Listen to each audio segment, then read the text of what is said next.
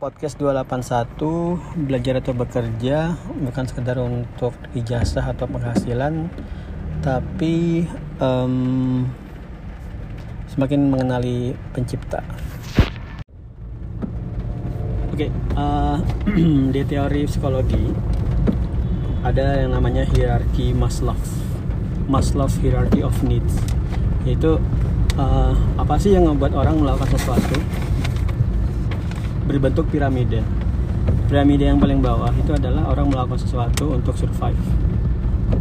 Misalnya hewan gitu ya. Hewan itu segala yang dia tak lakukan makhluk yang paling bawah kesadarannya itu ya pada manusia ya uh, adalah untuk agar dia nggak mati gitu kan makan minum berkembang biak generasinya ada itu insting dasar banget maka kalau kamu melakukan sesuatu sekedar nggak mati aja ya ya kebutuhan yang paling mendasar.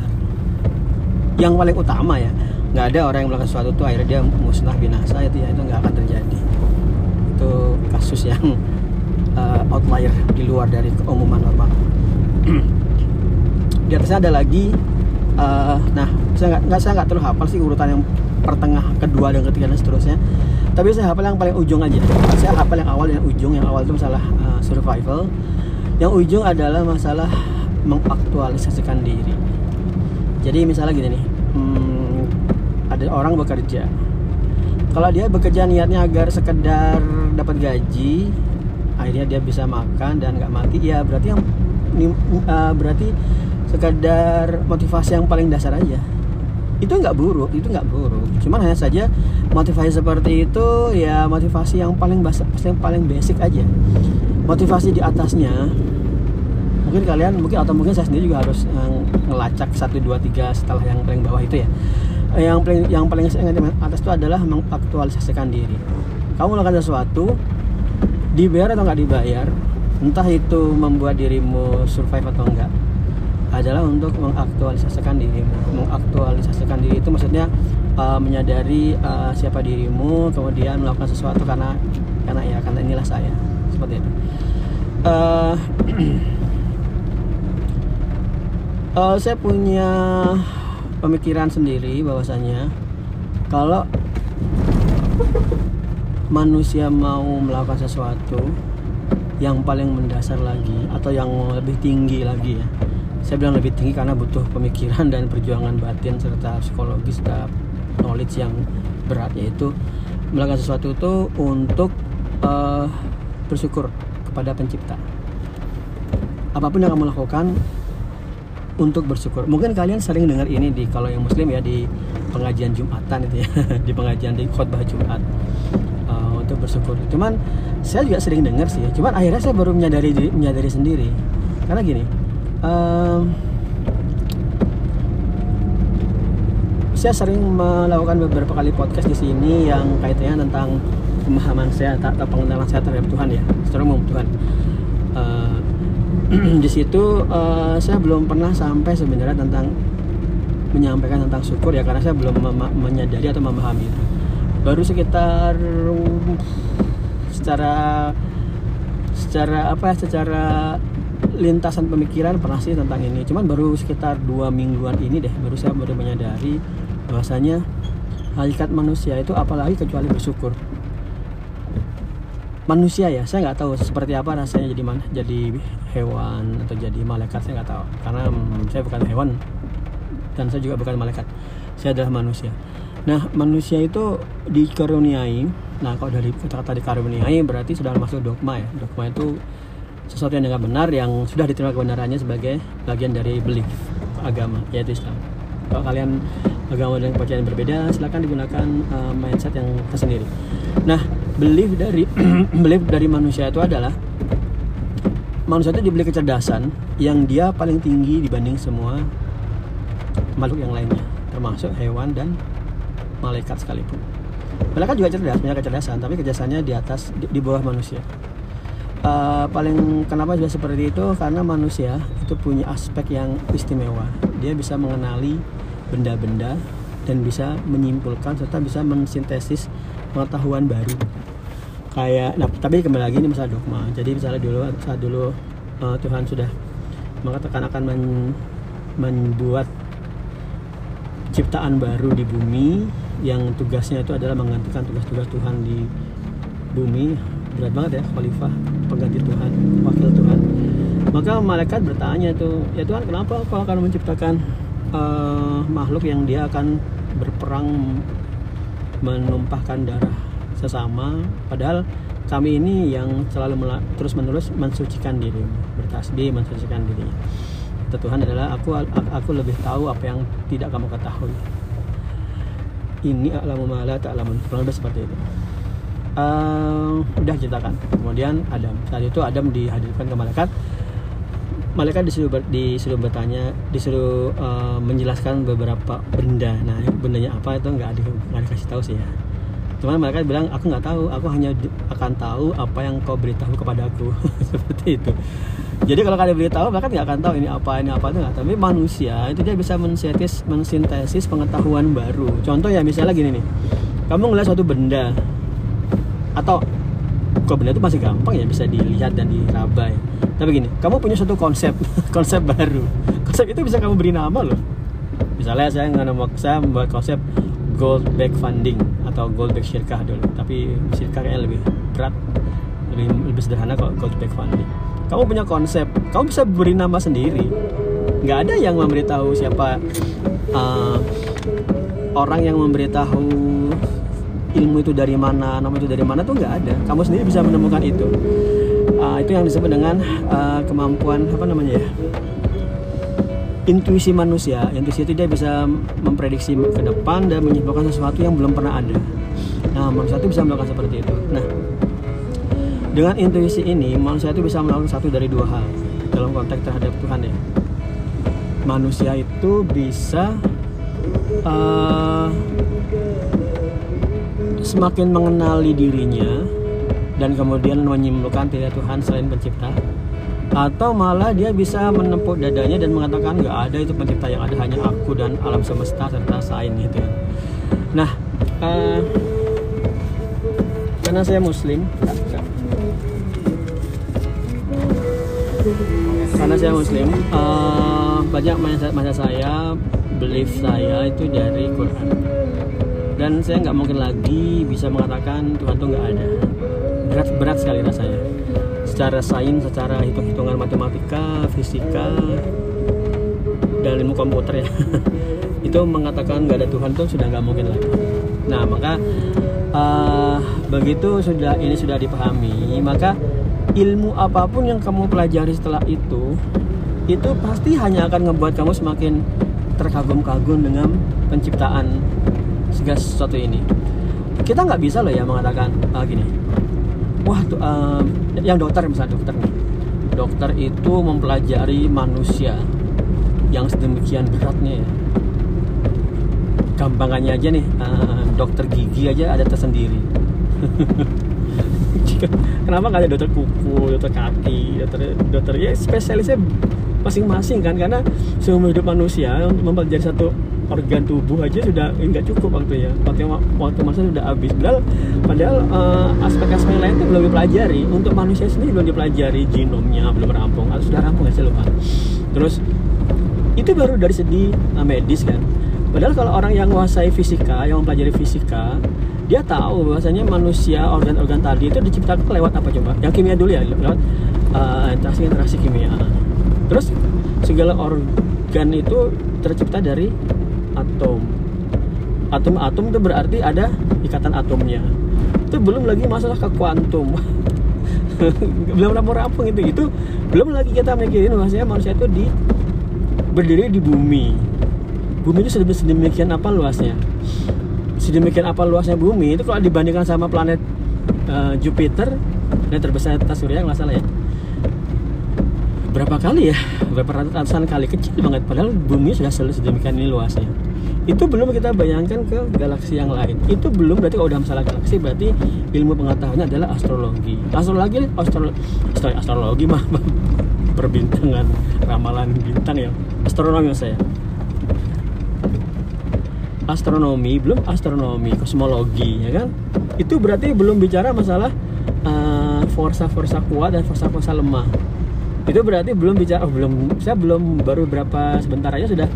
Kamu bisa ngebayangin betapa dahsyatnya penciptaan nggak nah maka ya maka gini usia saya usia saya sekarang 40-an nih 43 deh sekarang ini 2002, 2023 berarti 44 ya ini saya ilmu yang sedang ilmu yang sedang sudah saya kuasai kan ilmu komputer. Ya itu aja kuasai sampai sudah sudah sebatas yang saya mampu dan cukup aja. Uh, misalnya dari back end front end DevOps saya cuman fokusnya ke back endnya aja. Untuk yang lain-lain hire orang aja. Nah dari ilmu itu saya suka fisika. Dan saya sudah bisa merasakan uh, kebesaran penciptaan. Oke kemudian sekarang saya belajar lagi belajar ekonomi kan wah saya merasakan lagi tuh. Dan itu ilmu itu terpisah. Maksudnya ilmu itu seakan-akan nggak ada hubungan dengan ilmu komputer. Padahal ilmu ekonomi itu kan tetap berkait dengan ilmu yang tadi kan. Ilmu manusia biologi fisika kimia. Kok gitu? Ya misalnya uh, kita bisa kita pakai uh, emas misalnya. Kita mempertimbangkan ekonomi yang basisnya emas. Emangnya emas itu cuman konsep emas itu kan ikatan-ikatan atom yang mulia. Ikatan atom yang khusus sehingga dia mempunyai sifat-sifat logam-logam mulia. Jadi satu ilmu pengetahuan yang dipelajari oleh manusia itu seharusnya nggak pernah bisa ngebuat dia punya perasaan paling pinter paling menguasai dan bahkan andai kata dia sampai bisa merasa dibilang dirinya lebih pinter dari manusia yang lain harusnya itu nggak pernah terjadi. Kenapa? Karena ya baru saja bisa sebatas apa yang ilmu yang dia kuasai. Belum nggak ada mungkin belum ada setetes dari dibandingkan laut semesta ini ya. Kan uh, Tuhan tuh sering mengatakan di Quran di surat Al-Kahfi ayat ayat adalah uh, jika laut-laut itu menjadi tinta kalimat-kalimat Tuhanku maka semua kalimat semua semua laut itu akan habis sebelum kalimat-kalimat Tuhanku selesai dituliskan. Dan jika diadakan lautan sebanyak itu lagi maka kalimat-kalimat Tuhanku tidak akan juga habis. Kurang lebih seperti itu. Kalimat itu maksudnya adalah ya kalau kita gampangnya kalimat itu pengetahuan dong ya. Misalnya kamu diem ngeluarin kalimat ya itu kan pengetahuan dari pengetahuan bukan nah makanya gini teman-teman. Sekarang kita kembali ke uh, diagram Maslow tadi. Kalau kamu saat ini sedang bekerja belajar tujuanmu survive nggak ada yang salah dengan itu. Tapi harus kamu sadari di atas itu masih ada jenjang lagi yang membuat motivasimu seharusnya lebih kuat lagi. Karena misalnya gini misalnya kamu motivasimu belajar atau kerja sekedar dapat gaji. Kalau gaji udah terpenuhi gimana? Kamu akan kehilangan arah loh. Kamu akan kehilangan arah dan punya perasaan hampa. Dan itu nggak bagus banget punya perasaan hampa di dunia ini nggak asik banget. Kamu jadi nggak tahu mau ngapain lagi. Udah kaya mau ngapain lagi? Udah koya kan eh, atau kontribusi. Tapi gini kalau saat kamu belajar atau bekerja kamu niatkan bahwa kamu pahami bahwasanya kamu adalah makhluk dan kamu diciptakan oleh pencipta maka pahami deh ilmu yang kamu pelajari itu pasti bagian dari ilmu-ilmu yang maha kuasa. Jangan cuma menilai misalnya yang muslim ya menilai ilmu ilmu itu ilmu dari Tuhan itu hanya Quran dan hadis. Yang nggak bisa gitu juga. Kalau mau seperti itu aja ya kamu naik haji pakai apa? Pakai hafalan hadismu? Enggak kan? Kamu pakai haji pakai apa? Pakai ilmu pengetahuan. Ilmu pengetahuan apa? IT tiketing dari mana? Terus uh, pesawat terbang engineering mesin kan? Konstruksi juga. Ilmu-ilmu seperti itu yang saya maksud adalah ilmu yang semakin membuat kamu semakin terkagum-kagum dengan penciptaan dan kemudian terkagum-kagum dengan pencipta itu sendiri. Nah sekarang nih contoh nih. Uh, saya sedang belajar ekonomi ya. Semakin lama banyak berhasil baru enam bulan ya. Belum belum satu semester malah. Mungkin sudah satu semester. Uh, semakin belum belum lama juga tapi semakin lama saya semakin terkesan sekali dengan uh, ilmu ekonomi. Kenapa? Karena ilmu ekonomi itu bisa menjelaskan bagaimana dunia ini berputar. Bukan secara fisiknya ya maksudnya secara aktivitas ekonomi itu bagaimana manusia itu sebenarnya makhluk yang punya sifat rakus ingin menambah-nambah harta. Kalau sudah punya harta nggak mau hartanya berkurang. Oke. Tapi itu bagus. Kalau nggak ada seperti itu ke kebudayaan nggak akan berkembang. Kalau misalnya seperti malaikat itu dia nggak punya inisiatif atau kemampuan untuk mensintesa ilmu pengetahuan nggak akan berkembang. Diturunkan malaikat ke bumi ya cuman patuh aja kamu lakukan ini itu. Nggak makan yang lain kalau manusia melakukan A bisa melakukan B C D yang gak ada hubungannya dengan A yang tadi. Kenapa? Karena manusia mensintesa ilmu pengetahuan yang baru. Nah inilah yang menjadi um, harusnya menjadi motivasi yang lebih hakiki darimu untuk mempelajari suatu bidang ilmu pengetahuan yang baru. Nih misalnya teman-teman lagi di RWID sih belajarnya ya coding kan ya coding. Tapi coba kamu pikirkan coding nah gini paling gampang ya. Kalau kamu disuruh ngebuat hmm, program untuk e-commerce kan ada keranjang belanja kan chart kan? Oke. Okay. ada produk masukin ke chart check out payment gateway. Udah seperti ini. Rumit gak itu? Mungkin baru sekedar satu chapter aja membuat kamu udah puyeng kan? Dan itu baru berapa dari ilmu Tuhan sih seperti itu? Itu ilmu Tuhan dong. Jangan bilang ini dari dari Bill Gates atau ini dari Newton yang nggak gitu juga. Uh, segala ada segala itu dari yang maha kuasa. Yang pengetahuan dari yang maha kuasa. Kamu ngetik ya pakai logika if then else. Wah if. Itu baru if aja udah puyeng kepalanya kan? Nah kamu bayangkan otak manusia itu mana? Sumber kabelnya yang dicolokin ke tenaga tuh mana bahkan ya gimana kalau manusia bisa ngebuat robot yang makanan yang energinya itu dia nggak mencerna secara organik. Belum ada kan? Kita masih pakai tenaga fosil. Dari listrik uh, dari fosil jadikan um, ngecas baterai.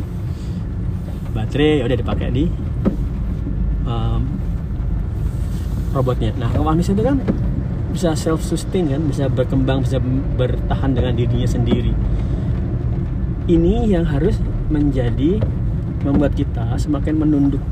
Bukan semakin petentang petenteng lo ya sudah bisa buat program A B C kemudian wah aku paling jago nih hacker. Enggak kamu apa pun yang kamu bisa itu pasti ada manusia yang lebih menguasai lagi. Atau katakanlah kamu udah bisa ngebuat aplikasi keren banget ya. Oke udah. Coba sekarang kamu uh, lagi bisulan sembuhin sendiri.